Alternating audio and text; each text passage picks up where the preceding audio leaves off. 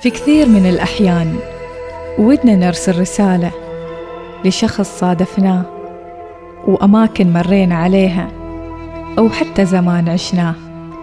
يمكن توصل ويمكن لا. رسائل مع إيناس ناصر.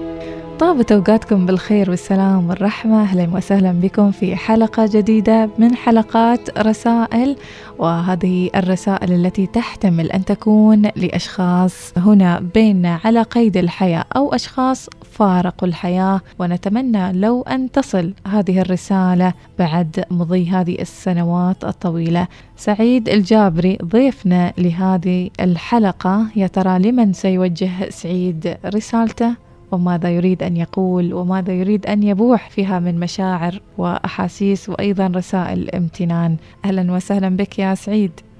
أهلا وسهلا بكم وأنا حقيقة شاكر لكم استضافتي في هذا البرنامج الحقيقة اللي يحمل رسالة عظيمة من خلاله يعني وأنا اليوم لدي رسالة اوجهها إلى الجميع.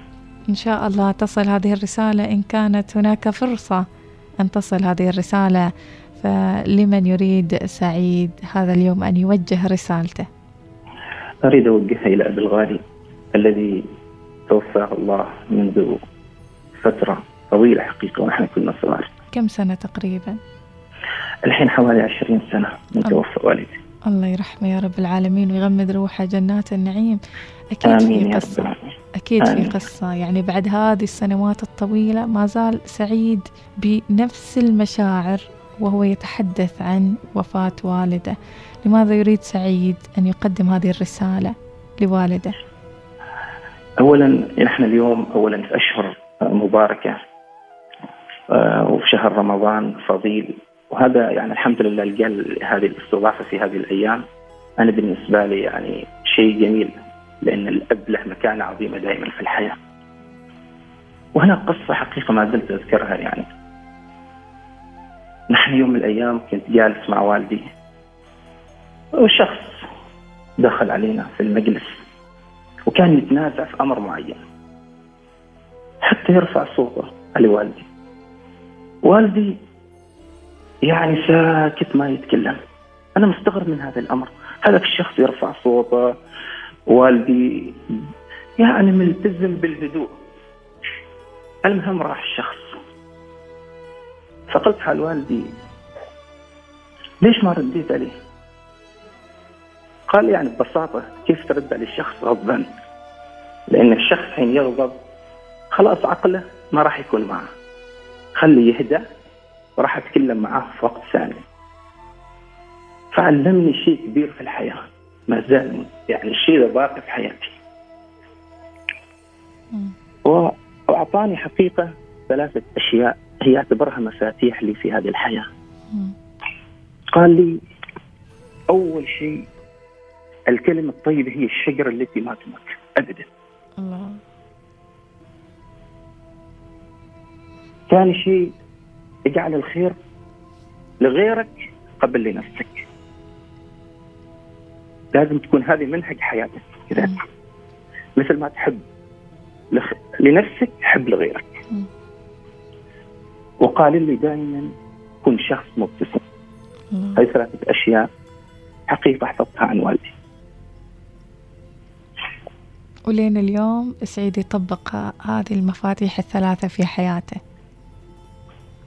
أي إن شاء الله وراح أستمر عليها ما أحياني ربي سبحانه وتعالى سبحان الله يرحمه يا رب العالمين يغمد روحه جنات النعيم. أكيد فضل. الأب فضل كبير وفضل عظيم جدا. وندعو لوالدك في هذا الشهر الفضيل أنه يتغمد الله روحه جنات النعيم ويدخل فسيح الجنان بإذن الله آمين يا رب العالمين آمين يا رب العالمين سعيد هل من مواقف أخرى ما زلت تتذكرها مع والدك؟ أنا لو أنا أحكي مثلا المواقف اللي دائما تستخب بالي إن أبوي كان شخص دائما في تعامله تعامل بسيط. كان بالنسبة لي يعني دائما أرى أشياء كيف يتعامل والدي. ياخذ دائما الأمور ببساطة.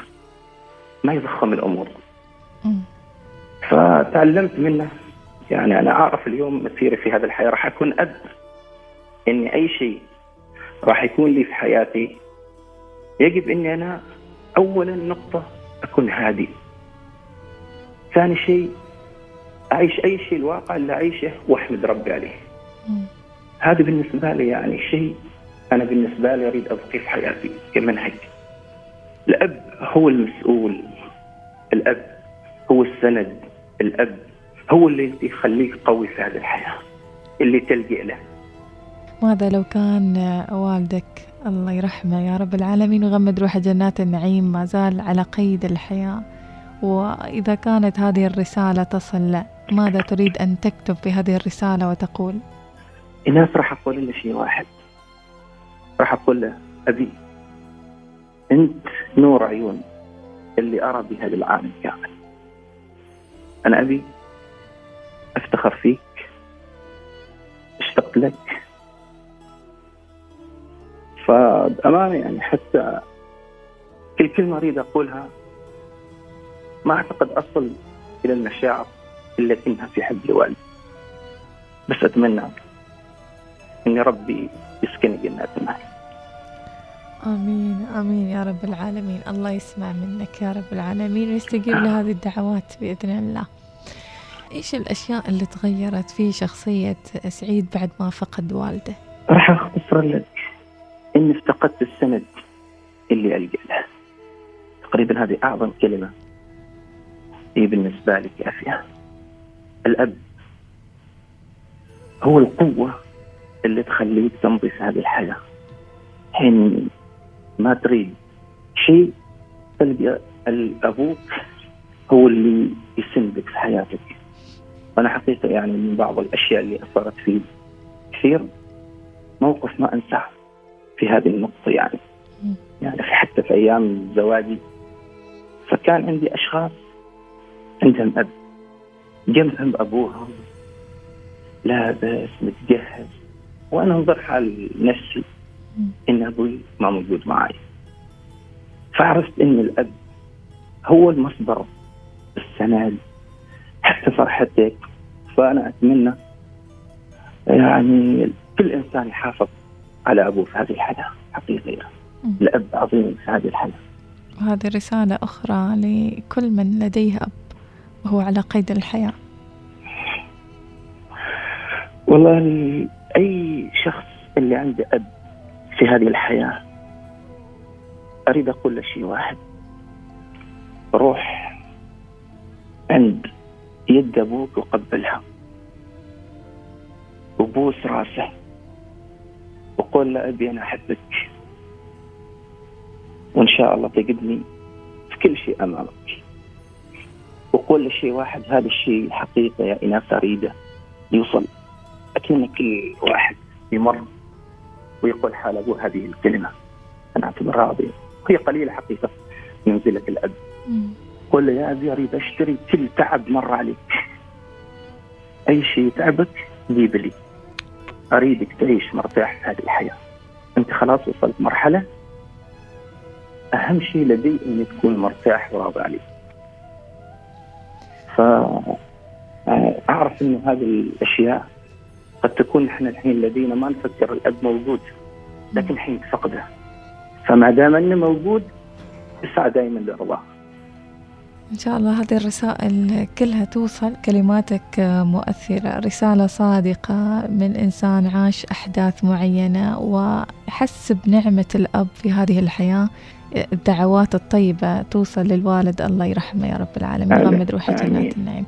شكرا لك شكرا لك سعيد. شكرا بارك الله فيك. رسائل مع إناس ناصر.